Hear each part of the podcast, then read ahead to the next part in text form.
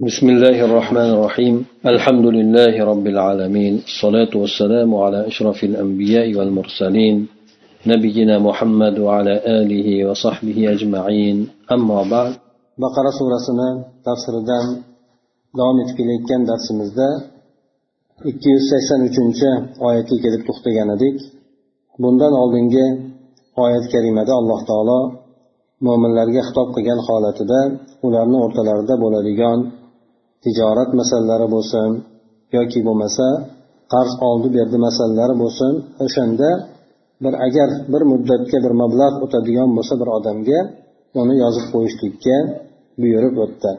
Hamda o'sha yerda yana insonlar unutib qo'ymasliklari uchun yozib qo'yishga buyurilgan bo'lsa shuningdek yana inkor etilmasligi uchun o'zlaringizdan bo'lgan ikkita odamni guvoh qilinglar. Agar ikki erkak topilmaydigan bo'lsa bir erkak va ikki ayolni guvoh qilinglar deb turib aytib o'tdi. Ana o'shandek holatlarda ba'zan inson avvalgi davrlarda xosatan safarda bo'lganligi sababli yoki bo'lmasa o'shandek yozuvchini yozib beradigan odamni topolmaydigan bo'lsa bunda nima ish qiladi? Mana bu keyingi ikki yuz sakson uchinchi oyat esa ayni mana shu masalada bizlarga alloh taolo mana shu masala orqali bayon qilib beradi. Alloh taolo aytadiki وإن كنتم على سفر ولم تجدوا كاتبا فرهان مقبوضة فإن أمن بعضكم بعضا فليؤدي الذي اؤتمن أمانته وليتق الله ربه ولا تكتم الشهادة ومن يكتمها فإنه آثم قلبه والله بما تعملون عليم agar sizlar safarda bo'ladigan bo'lsalaringiz hamda safarda bo'lganlaringiz sababli yozuvchi odamni ya'ni sizlarga ahdni yozib beradigan odamni topolmaydigan bo'lsalaringiz unda qo'liga kiritiladigan bir garovni lozim tutinglar dedi. Demak bu oyat karimada alloh taolo yuqoridagi oyatda ham mo'minlarni haqqi zoyi bo'lmasligiga qattiq odamlarni chaqiryapti qattiq e'tibor ham beryapti. Negaki bu narsa mana hozirgi paytda agar e'tibor beradigan bo'lsalaringiz odamlarni o'rtasidagi bo'lgan nasiya savdolar bo'lsin yoki bo'lmasa qarz oldi berdilari bo'lsin shu narsalarda odamlarni o'rtasida judayam katta muammolar chiqadi. Hamda bu esa odamlarni bir birlari bilan yuz ko'rmas bo'lib ketishlikka yoki bo'lmasa o'rtalarida katta janjallar chiqishligiga olib boryapti.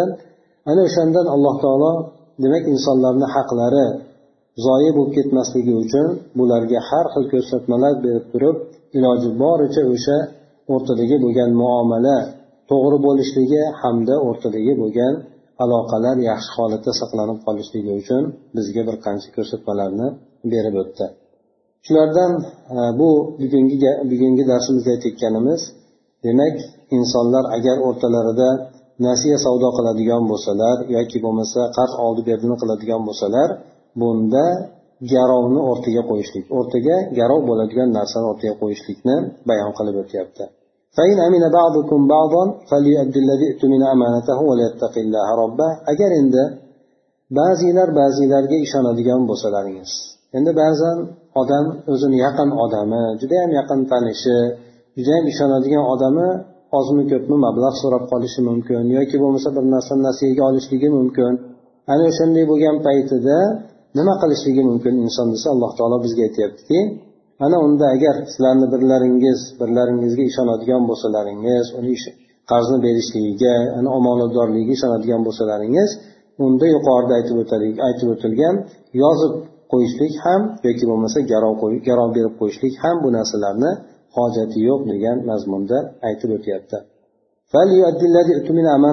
Ya'ni qaysi bir odamga omonat ishonib topshiriladigan bo'lsa bu nasiya savdoligi bo'lgan qolgan odamlarga qarz bo'ladimi yoki qarz olganda qarz e, omonati bo'ladimi?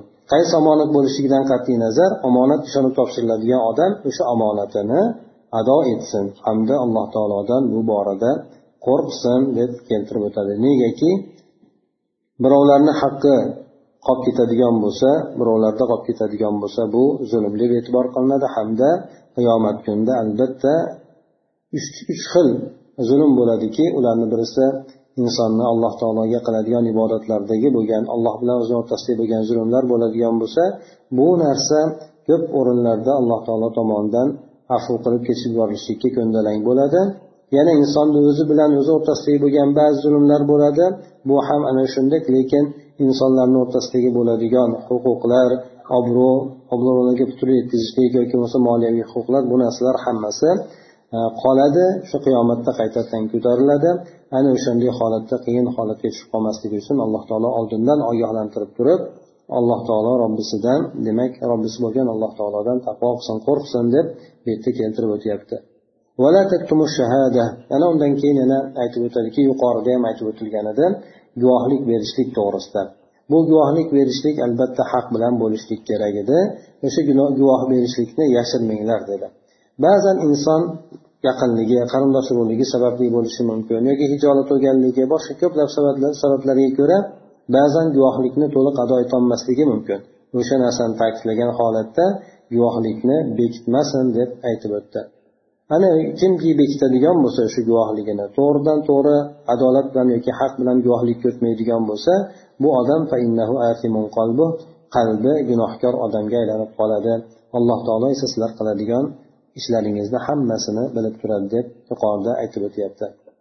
Endi bu yerda mufassirni gaplariga qaraydigan bo'lsak bu oyatlar borasida aytadiki alloh taoloni ushbu so'ziga va in kuntum ala safarin va lam tajidu katiban farihanun maqbuda ay va in kuntum musafirin va tadayantum ila ajalin musamma va lam tajidu man yaktub lakum وثيقة الدين فليكن بدل الكتابة شيء مقبوض يكون رهنا من متاع أو حلي توثيقة للدين الذي في الذمة agar sizlar mabodo safarda bo'lib qoladigan bo'lsalaringiz hamda bir muddatga qarz oldi berdi muomalasini qiladigan bo'lsalaringizu sizlarga o'sha qarz ishonchnomasini yozib beradigan odamni topmaydigan bo'lsalaringiz yozishlikni o'rniga unda oladigan narsa bo'lsin dedi. Ya'ni biron narsani garovga bersin dedi. Doimki mana shu ish qarz bergan odamni haqqini kafolatlanishligiga olib boradi. Ana o'shanda garov bo'lgan narsani bersin dedi. Bu garov albatta bir matodan bo'lishi kerak. Ya'ni e, bahosi bo'lgan o'sha nimasiga har yetadigan qoplaydigan olgan qarzini shu darajadagi bo'lgan insonni matosi bo'lishi kerak. Ya'ni foydalanadigan narsasi bo'lishi kerak. Foydalanmaydigan yoki sotilmaydigan narsa oladigan bo'lsa albatta buni qizig'i yo'q.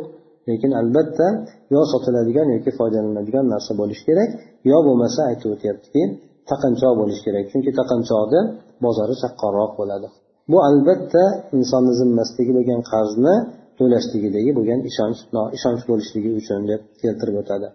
فإن أمن بعضكم بعضا فليؤدي الذي اؤتمن أمانته وليتق الله ربه أي فإن اكتفى الدائن بأمانة المدين واستغنى بأمانته عن الرهن فليؤدي المديون الدين الذي هو عليه وليخف ربه في رعاية الحقوق وفي الحديث أد الأمانة إلى من ائتمنك ولا تخن من خانك رواه الترمذي أي من وثق بك وبأمانتك فلا تخنه ولا تكتم الشهادة ومن يكتمها فإنه آثم قلبه demak alloh taoloni agar sizlarni birlaringiz birlaringizga ishonadigan bo'lsalaringiz unda omonat ishonib topshirilgan odam omonatini ado etsinda alloh taolodan robbisidan qo'rqsin deb aytib o'tdi Buni tafsirida aytadiki ya'ni qarz berayotgan odam qarz olgan odamni ishonchliligi bilan kifoyalanadigan bo'lsa va uni ishonchliligidan garovga narsani olishlikdan ham behojat bo'ladigan bo'lsa bunda albatta bunchalik iltifot ko'rsatilgandan keyin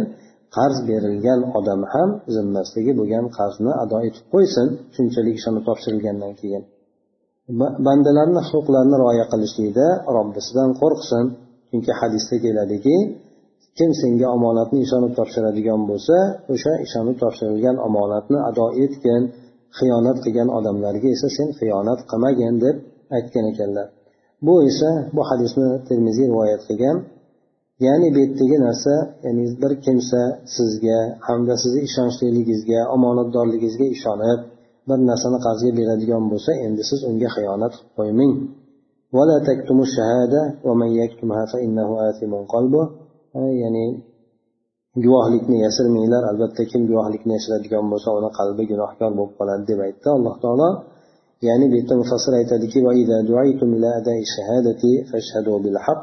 ولا تخفوا شيئا منه فإن إخفاء الشهادة إثم كبير يجعل القلب خائنا وصاحبه فاجرا وخص القلب بالذكر لأنه سلطان الأعضاء إذا صلح, إذا صلح صلح الجسد كله وإذا فسد فسد الجسد كله bu yerda agar sizlarni birontalaringiz guvohlikni ado etishlikka chaqiriladigan bo'lsa haq bilan guvohlikka o'tsin guvohlikdan biron narsani yoki haqdan biron narsani yashirmasin albatta guvohlikni yashirishlik esa judayam katta og'ir gunoh hisoblanadi bu esa insonni qalbini xiyonatkor o'sha qalb egasini esa jinoyatchi qilib qo'yadi.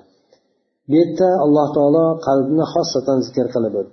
Sababi qalb butun a'zolarni sultoni hokimidir. Agar o'sha qalb solih bo'ladigan bo'lsa yaxshi bo'ladigan bo'lsa butun insonni jasadi solih yaxshi bo'ladi. Agar insonni qalbi buzuq bo'ladigan bo'lsa butun jasadiga ta'sir qilib jasadini hammasi buzuq bo'ladi deydi.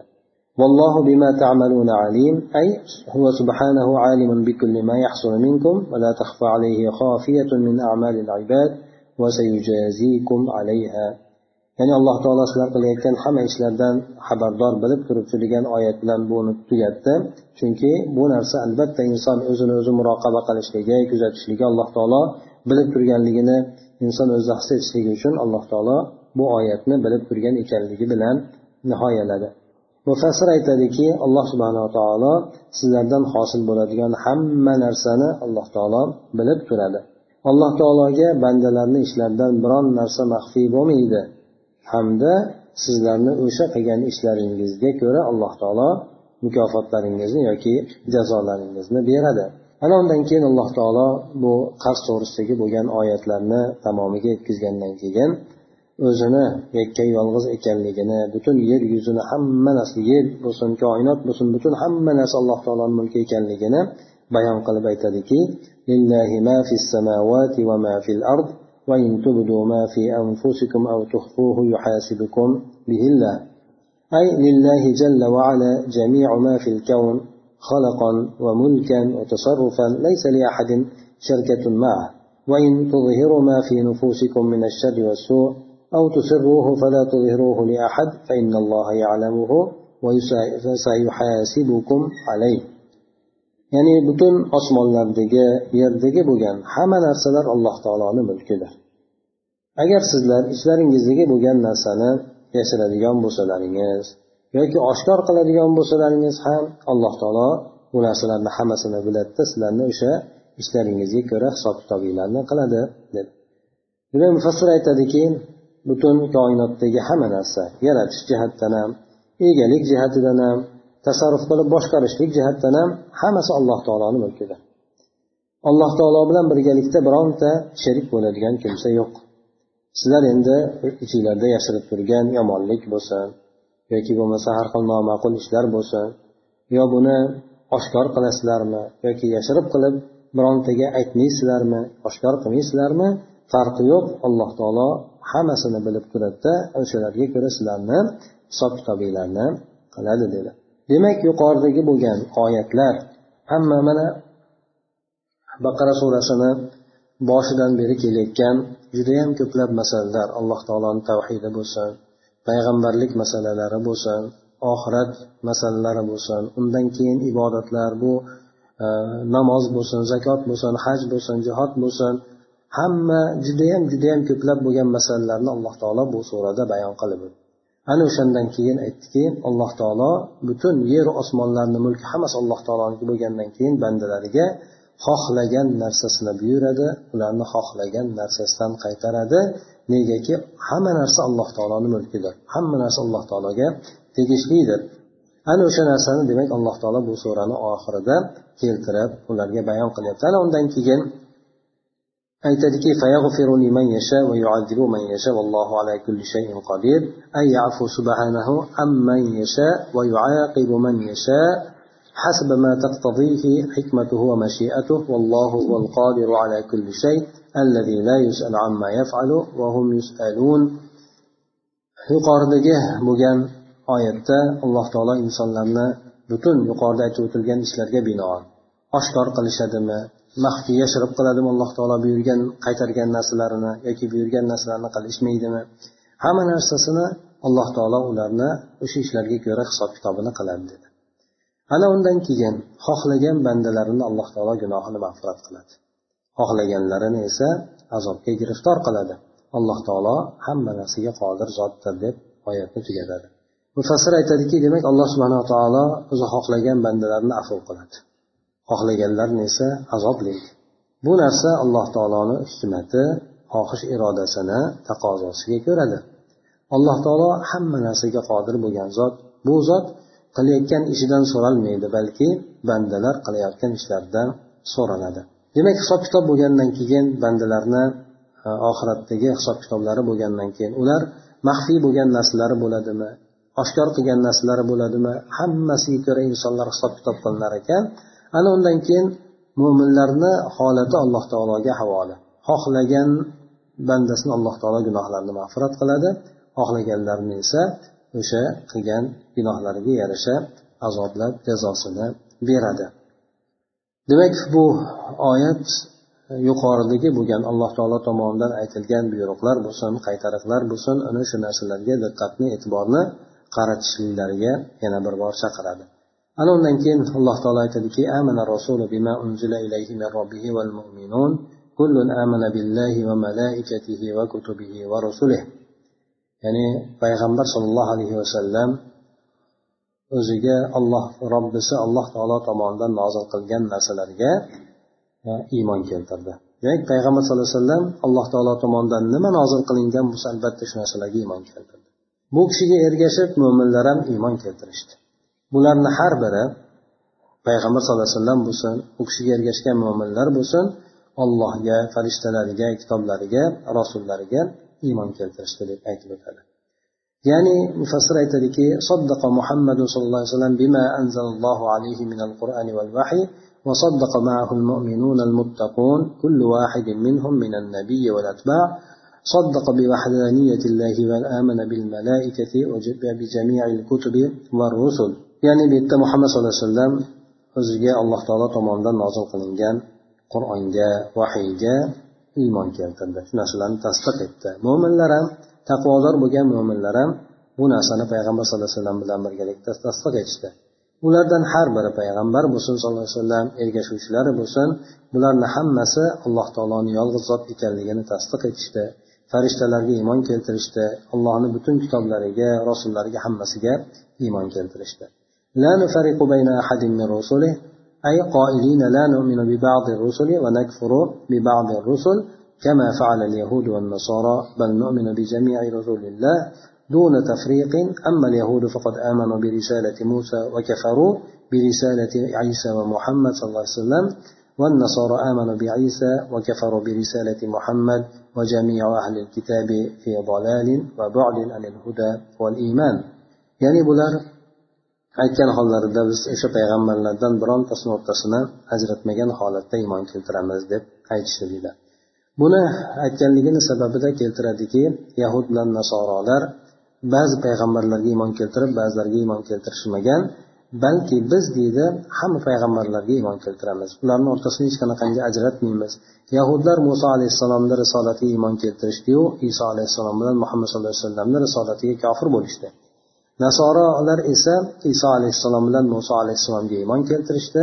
Muhammad sallallohu alayhi vasallamni risolatiga esa kofir bo'lishdi. Ya'ni ajratishdi bular. Demak ahli kitoblarni barchasi mana shu sababdan zalolatga ketdi hidoyat iymondan yiroq bo'lib qoldi. Mana bu oyat karima agar diqqat bilan e'tibor beradigan bo'lsak alloh taolo bu yerda mo'minlarga madh aytyapti. Chunki ular payg'ambarga ergashib payg'ambar iymon keltirgan narsalarga bular ham iymon keltirdi. bu surani avvalga qaraydigan bo'lsak ألف لام ميم ذلك الكتاب لا ريب فيه هدى للمتقين الذين يؤمنون بالغيب ويقيمون الصلاة deb o'sha yerda g'oyibga iymon keltirishlik ya'ni taqvodor bo'lgan mo'minlarni sifatlarini bayon qilib o'tdiki bu yerda ularni birinchisi g'oyibga iymon keltirishlik undan keyin namoz o'qishlik zakot berishlik shunga o'xshagan masalalarni aytib o'sha joyda mo'minlar qanday bo'lishligini bayon qilib o'tgan edi mana bu oxir surani oxirida ham alloh taolo o'shandek mo'minlarga yana bu yerda maqtov berdiki bular haqiqatdan o'sha yuqorida aytib o'tilgan birinchi surani avvalda aytib o'tilgan g'oyatga iymon keltiradigan taqvodor bo'lgan mo'minlardir chunki qur'on bilan ular foydalanishadi deb mana bu o'rinda ham o'sha mo'minlar ham payg'ambar sallallohu alayhi vasallamga ergashgan holatda u kishi nimaga iymon keltirgan bo'lsa bular ham ergashib iymon keltirganligini bayon qilib mo'minlarga alloh taolo madah sano beryapti. Ana undan keyin وقالوا سمعنا وأطعنا غفرانك ربنا وإليك المصير. أي قال المؤمنون من أصحاب محمد صلى الله عليه وسلم سمعنا يا رب دعوتك وأطعنا أمرك وآمنا بجميع رسلك فنطلب منك المغفرة لجميع ذنوبنا وإليك يا رب وحدك مرجعنا للحساب والجزاء. وهذه شهادة من الله عز وجل لرسوله ولأتباعه المؤمنين على صحة الإيمان ورضا الرحمن. Bular aytishdiki parvardigori olam yuqorida kelgan buyruqlaringni hammasini eshitdik itoat qildik. Bizni bo'ladigan kamchiliklarimizni xato gunohlarimizni o'zing mag'firat qilgin. Parvardigorim albatta senga qaytarmiz ya'ni qaytar joyimiz senga bo'ladi deb bular aytishdilar mufassir aytadiki mo'minlar ya'ni muhammad sallallohu alayhi vasallamni ashoblaridan bo'lgan mo'minlar aytishdiki ey robbim robbimiz da'vatingni eshitdik. Buyruqlaringga itoat qildik. Butun payg'ambarlaringni hammasiga iymon keltirdik. Endi sendan hamma qilgan gunohlarimiz bo'ladigan bo'lsa senga mag'firat so'raymiz. Ey robbimiz e, seni o'zinggagina qaytar joyimizdir.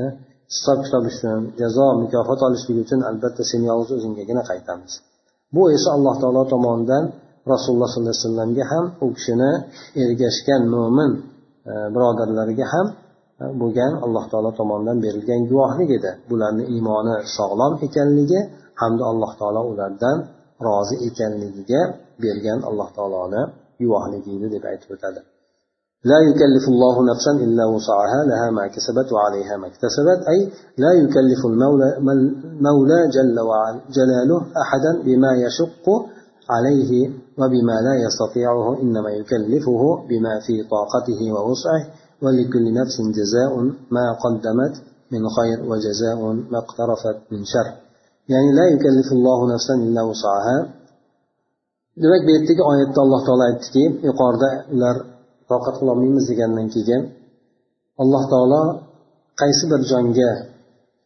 bo'lsin albatta uni toqatidagi bo'lgan narsaligini yuklaydi ya'ni insonga nima narsani buyuradigan bo'lsa nima narsadan qaytaradigan bo'lsa albatta bu qaytargan narsasi buyurgan narsasi insonni toqatida toqatiga yarasha bo'ladi. Albatta inson nima narsani kasb qiladigan bo'lsa foydasiga ham nima narsani zarar kasb qiladigan bo'lsa zarariga ham bo'ladi. Ya'ni alloh taolo bironta odamni unga og'irlik qiladigan qudrat yetmaydigan narsaga yuklamaydi albatta alloh taolo insonni toqatida kuchida imkoniyatida bo'lgan narsagagina yuklaydi har bir inson nima qanday bir yaxshilikni taqdim etadigan bo'lsa shuni mukofotini oladi qanday bir yomonlik qiladigan bo'lsa uni jazosini oladi deb aytdi ربنا لا تؤاخذنا إن نسينا واخطأنا أي يقولون في دعائهم وتضرعهم إلى الله يا ربنا لا تعذبنا بما صدر منا عن طريق النسيان أو الخطأ ربنا ولا تحمل علينا إصرا كما حملته على الذين من قبلنا أي لا تحمل علينا ما لا نطيق من التكاليف الشاقة التي نعجز عنها كما كانت على الأمم السابقة قبلنا parvardigor olam agar biz biron narsani unutadigan bo'lsak ya'ni biron buyruqni bajarishlikda unutib qo'yadigan bo'lsak yoki gunohlarni qilishlikda bir noqasddan bir xato qilib qo'yadigan bo'lsak unda bizni shu qilgan ishlarimiz bilan bizni jazolamagin bizni ushlamagin deb aytishdi. Ya'ni ular o'zlarini duolarida alloh taologa yorvolishligida aytishardiki robbimiz bizni bizdan shu unutishlik yoki xatoan sodir bo'lib qoladigan narsalar bilan bizni azoblamagin deb ular aytishardi. Robbana vala tahmil alayna على kama من min qablina parvardigor olam bizga avvalgi kimsalarga bizdan oldingilarga yuklaganing kabi og'ir bo'lgan narsalarni bizga yuklamagin deb deb aytishdi ular. Ya'ni bizga toqat qilolmaydigan narsalarimizni yuklamagin qiyin bo'lgan biz undan ojiz bo'lib qoladigan qiyin taklifotlardan biz toqat qilolmaydiganimizni bizga yuklamagin bu narsalar go'yo chunonchi bizdan oldingi ummatlarga bo'lgani kabi dedi. Ya'ni avvalgi ummatlarga alloh taolo jazo sifatida ba'zi hukmlarni nozil qilgan. Hattoki ular tavba qilishligi uchun mana muso alayhissalomni qavmida buzoqqa ibodat qilib qo'ygan paytida tavba qilib tavbasini alloh qabul qilishligi uchun ularni o'zlarini o'ldirishlikka alloh taolo buyuradi. Ha? Judayam ko'pni o'sha kunda o'sha nimaga ibodat qilganlari o'ldirishadi. Keyin endi alloh taolo bularni o'sha qilgan gunohlarini alloh taolo keyin kechiradi. O'sha tavba qilishlik uchun ularda o'lim o'ldirishlikni alloh taolo buyurgandi. Bu haqiqatdan og'ir bo'lgan taklif hisoblanadi lekin bu narsani alloh taolo ularga qilib o'tgan qancha qancha judayam katta jinoyatlarni sababidan aytgan edi. O'shandek bizga ham toqatimiz yetmaydigan og'ir bo'lgan e, buyruqlarni taklifotlarni bizga nozil qilmagin deb ular aytishdi. Alloh taolo bu yerda e, hadisda keladi bular bu duolarni qilgandan keyin alloh taolo ulardan qabul qiladi. Haqiqatdan ularga mana bunday og'ir bo'lgan e, taklifotlarni qilmasligiga alloh taolo ularga va'da beradi. ربنا ولا تحملنا ما لا طاقة لنا به أي ولا تكلفنا يا رب ما لا نطيق من البلاء والشدائد والتكاليف التي لا طاقة للبشر بها parvardigor olam bizga toqatimiz yetmaydigan bo'lgan narsalarni yuklamagin ya'ni balo bo'lsin qiyinchiliklar bo'lsin o'shandek ya'ni insonlarni toqati yetmaydigan taklifotlar bo'lsin buyruqlar qaytaruvlar bo'lsin shu narsalarni bizga hech hargiz yuklamagin deb ular alloh taolodan yolvorib so'rashdi واعف عنا واغفر لنا وارحمنا أي وامحو ذنوبنا التي فرطنا فرطت منا واستر عيوبنا فلا تفضحنا يوم الحشر الأكبر وارحمنا برحمتك التي وسعت كل شيء parvardigor olam bizni afv etgan gunohlarimizni mag'firat qilgan o'zing rahmatingga olgin deb ular aytishdi ya'ni mufassir aytadiki gunohlar bizdan sodir bo'lgan sustkashlik oqibatida sodir bo'lgan gunohlarimizni o'zing o'chirgan kechirgan ayblarimizni o'zing e, yopgin satr qilgan bizni katta qiyomat kunida sharmanda qilib qo'ymagin o'zi hamma narsani o'z ichiga olgan rahmating bilan bizni rahmatingga olgin deb aytishyapti. Demak bu yerda bular alloh taolodan uchta narsani so'rashdi. Birinchisi afu keyingisi esa mag'firat undan keyin esa rahmatiga olishligini aytishadiki bu yerda afu kelishligi bu narsa insondan o'tgan o'tgan vaqtlarda sodir bo'lgan gunohlari bu narsalardan xato kamchiliklari bu narsalardan alloh taolodan afv so'rashdi. Mag'firat esa kelajakda bo'ladigan alloh taolodan kutiladigan mag'firatlar ularda qiyomatdagi bo'lsin yoki hayot mobaynida alloh taolo ularni gunohlarini kechirishligini. Rahmatni so'rashligi esa alloh taolo bularni isloh qiladigan holatni o'nglaydigan narsalarga yo'llab qo'yishligini alloh taolodan so'rashdi deb aytishadi. أنت مولانا فانصرنا على القوم الكافرين أي أنت يا ربنا مالكنا وناصرنا ومتولي أمورنا ونحن عبيدك الضعفاء فانصرنا على أعدائنا من الكفرة الوثنيين وأعداء الدين المكذبين لرسالة الأنبياء والمرسلين parvardigor olam sen bizni hojamizsan bizga kofir qavmga bino kofir qavmlarni zarariga bizlarga yordam bergin dedi ya'ni ey robbimiz biz sen sen bizning molikimizsan egamizsan yordamchimizsan ishlarimizni boshqarib turuvchi zotsan. Biz esa seni zaif bo'lgan bandalaringizmi? Bandalaringizmiz e, bizni dushmanlarimizga qarshi bizlarga yordam bergan bular butparast kofirlar bo'lsin din dushmanlari bo'lsin payg'ambarlarni rasullarni risolatini yolg'onga chiqaruvchilar bo'lsin shularga qarshi bizlarga o'zing yordam bergin deb aytishadi. Ana unda demak bular alloh taolodan o'zlariga kerakli bo'lgan dunyo oxiratda kerakli bo'lgan narsalarni so'rashdi.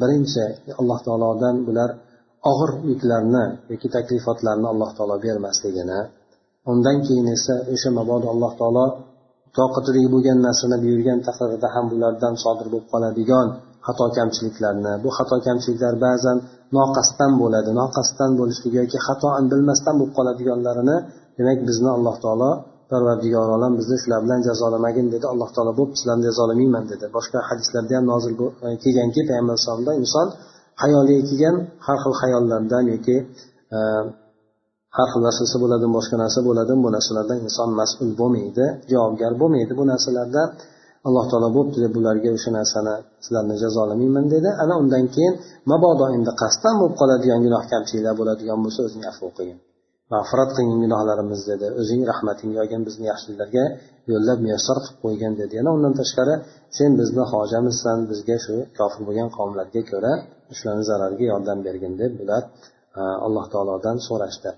Imom muslim o'zini sahihida rivoyat qilgan ekanki alloh taoloni ushbu oyati nozil bo'lgandan keyin وإن تبدوا ما في أنفسكم أو تخفوه يحاسبكم به. الله فقل ذلك على أصحاب رسول الله صلى الله عليه وسلم. فجاءوا إلى رسول الله صلى الله عليه وسلم وقالوا يا رسول الله كلفنا من العمل ما نطيق الصلاة والصيام والحج والجهاد وقد أنزلت عليك هذه الآية ولا نطيقها. فقال لهم صلى الله عليه وسلم أتريدون أن تقولوا كما قال أهل الكتاب قبلكم سمعنا وعصينا قولوا سمعنا وأطعنا. فلما قرأها القوم وذلت بها ألسنتهم أنزل الله عز وجل لا يكلف الله نفسا إلا وسعها لها ما كسبت وعليها ما اكتسبت رواه مسلم.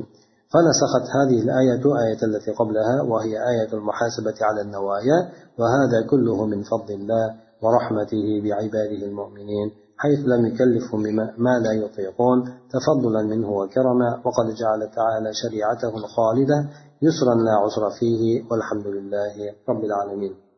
Imom muslim sahiylarida rivoyat qiladi. Alloh taoloni ushbu oyati nozil bo'lgach ya'ni sizlar ichlaringizda nima narsani ya'ni ichlaringizda bo'lgan narsani oshkor qilasizlarmi yoki maxfiy qilib yashirib hech kimga bildirmaysizlarmi? Baribir alloh taolo bu narsalarni biladi sizlarni o'shanga binoan hisob kitob qiladi degan oyat nozil bo'lgan paytida bu rasululloh sollallohu alayhi vasallamni sahobalariga og'irlik qildi.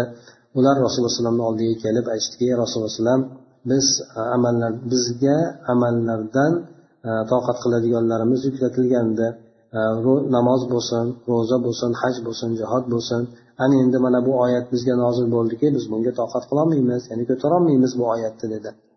Shunda rasululloh alayhi ularga aytdiki sizlar e, ahli kitoblar o'zlaringizdan oldingi ahli kitoblar aytgandek aytmoqchi bo'lyapsizlarmi? Biz eshitdik osiy bo'ldik deb balki aytinglar sizlar eshitdik itoat qildik deb yoki itoat qilamiz deb aytinglar. Deb aytganda bular mo'minlar o'sha payg'ambar alayhisalom aytgan so'zlarni o'qishgan paytlarida hamda ularni tillari o'shanga yumshoq bo'lib kelgan paytida o'qiladigan oyatlarga alloh taolo ularga mana bu oyat kalimalarni nozil qildi. Alloh taolo ya'ni bir insonga toqatli bo'lgan narsanigina taklif qiladi. Inson nimani kasb qiladigan bo'lsa shu narsa insonni foydasiga nimani kasb e, zarar gunoh qiladigan bo'lsa u insonni zarariga bo'ladi deb. Imom muslim buni rivoyat qilgan ekan. Demak mana bu oyat o'zidan oldingi oyatni nasx qildi. Ya'ni hukmini ketkizdi go'yoki haligi oyatdagi umum tushuniladigan bo'lsa ya'ni insonni ichidagi bo'ladigan hamma hattoki niyatlari bo'lsin hayollari bo'lsin shu narsalarga binoan inson hisob kitob qilinmas ekan chunki inson toqatida emas bu narsalar. Bu bularni hammasi alloh taoloni qilgan fazli marhamatidan mo'min bo'lgan bandalarga shuning alloh taolo insonlarni yoki mo'min bandalarni e, o'z tomonidan marhamat qilib karam qilib toqat qilmaydigan narsalarga alloh taolo ularni yuklamadi. Alloh taolo o'zini boqiy bo'lgan shariatini hech qanaqangi qiyinchiligi bo'lmagan yengillik qilib berdi. Alloh taologa ya'ni butun olamlarni parvardigori alloh taologa hamd bo'lsin deb bu tafsirni tugatdi. Demak baqara surasini tafsiri mana shu yerda tugadi. Bu e, oxirgi baqarani oxiridagi ikki oyat to'g'risida Э, hadislarda buni fazilati to'g'risida bir qancha hadislar keladi. Ya'ni qaysi bir inson ulardan biri qaysi bir inson buni kech payt yotishdan oldin o'qiydigan bo'lsa insonga kifoya qiladi deb keladi. Ya'ni kifoya qilishlik alloh taolo uni saqlaydi. Hattoki ba'zi rivoyatlarda keladi. U ham e, imom bashir roziyallohu anhu rivoyat qilgan hadisda keladi. Imom termiziyniki rivoyat qilgan sahiy deb aytishgan.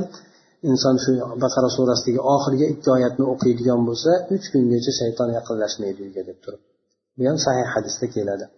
Undan tashqari yana e, osmondan bir hech ham yerga tushmagan birinchi marta yerga tushgan bir farishta e, jibril alayhissalom bilan payg'ambar alayhisalom o'tirgan paytlarida nozil bo'lganligi o'sha nozil bo'lgan paytda ayni baqara surasini oxiridagi ikki oyatni olib tushganligini hamda o'sha surani fazilati to'g'risida u ham bashorat beradi o'sha farishta ham kelib turib. Undan tashqari yana e, payg'ambar sallallohu alayhi vasallam o'sha merojga chiqqan paytlarida uchta narsani oldi degan imom muslim rivoyatida ham alloh alam keladi sahih hadisda. E, unda o'sha besh vaqt namozni olgan bo'lsa yana baqara surasini oxiridagi ikki oyatni olganligi yana ya'ni insonlar e, qiladigan gunohlari agar hayol boshqa boshqa narsalarda bo'ladigan bo'lsa ya'ni hayolida o'ylab nima qiladigan narsalar bo'lsa alloh taolo bularga jazo qo'llamaydi degan mazmundagi lekin hadis ham keladi. Demak bu baqara surasini oxiridagi bo'lgan oyatlar judayam fazilatli bo'lgan oyatlar hisoblanadi. Shuning uchun e, bu oyatni inson o'qib yuradigan bo'lsa kechasida o'qiydigan bo'lsa bu kifoya bo'lishligi undan tashqari shayton ham unga yaqinlashmasligi aytib o'tiladi. Yana undan tashqari bu oyatni boshqa hadislarda ham keladi judayam fazli katta bo'lgan oyatlardan deb turib aytiladi. Ana o'shandek baqara surasini mana tafsirini nihoyasiga yetkazdik. E, bu surada asosan oxirgi nozil bo'lgan suralardan hisoblanadi bu sura ham. E, Madinaga payg'ambar sallallohu alayhi vasallam ko'chib o'tgandan keyin bu sura nozil bo'lishni boshlagan. Shuning uchun bunda judayam judayam ko'plab hukmlar keldi. Judayam musulmon jamiyatini ko'p tomonlama bir biriga bo'lgan aloqasi bo'lsin ibodatlari bo'lsin jihod bo'lsin haj bo'lsin yoki bo'lmasa aytaylik qarz oldi berdi muomalalari bo'ladimi? Yoki tavhid masalalari bo'ladimi? Bu narsalar judayam ko'p o'rinlarda bu surada bayon qilib o'tildi. Mana shunday qilib demak baqara surasini e, tafsirini nihoyasiga yetkazdik. Payg'ambar sallallohu alayhi vasallam bu sahobalardan o'sha qaysi birlari baqara surasini yodlagan bo'lsa qaysi birlari baqara surasini o'qigan bo'lsa bularni muqaddam qilardi deydi. Judayam katta baho berardi. Chunki baqara surasini o'qib yodlaganligi uchun. Albatta o'qib yodlashlik buni ma'nolarini tushunishlik bilan bo'ladi. shuning uchun ba'zi jihatlarda yoki bo'lmasa hattoki qabrga qo'yilishlik masalalarida ham shularni baqara surasini o'qiganligini judayam oldinga muqaddam qilib qo'yganligi keladi سبحانك اللهم وبحمدك نشهد أن لا إله إلا أنت نستغفرك ونتوب إليك اللهم انفعنا بما علمتنا وعلمنا ما ينفعنا وزدنا علما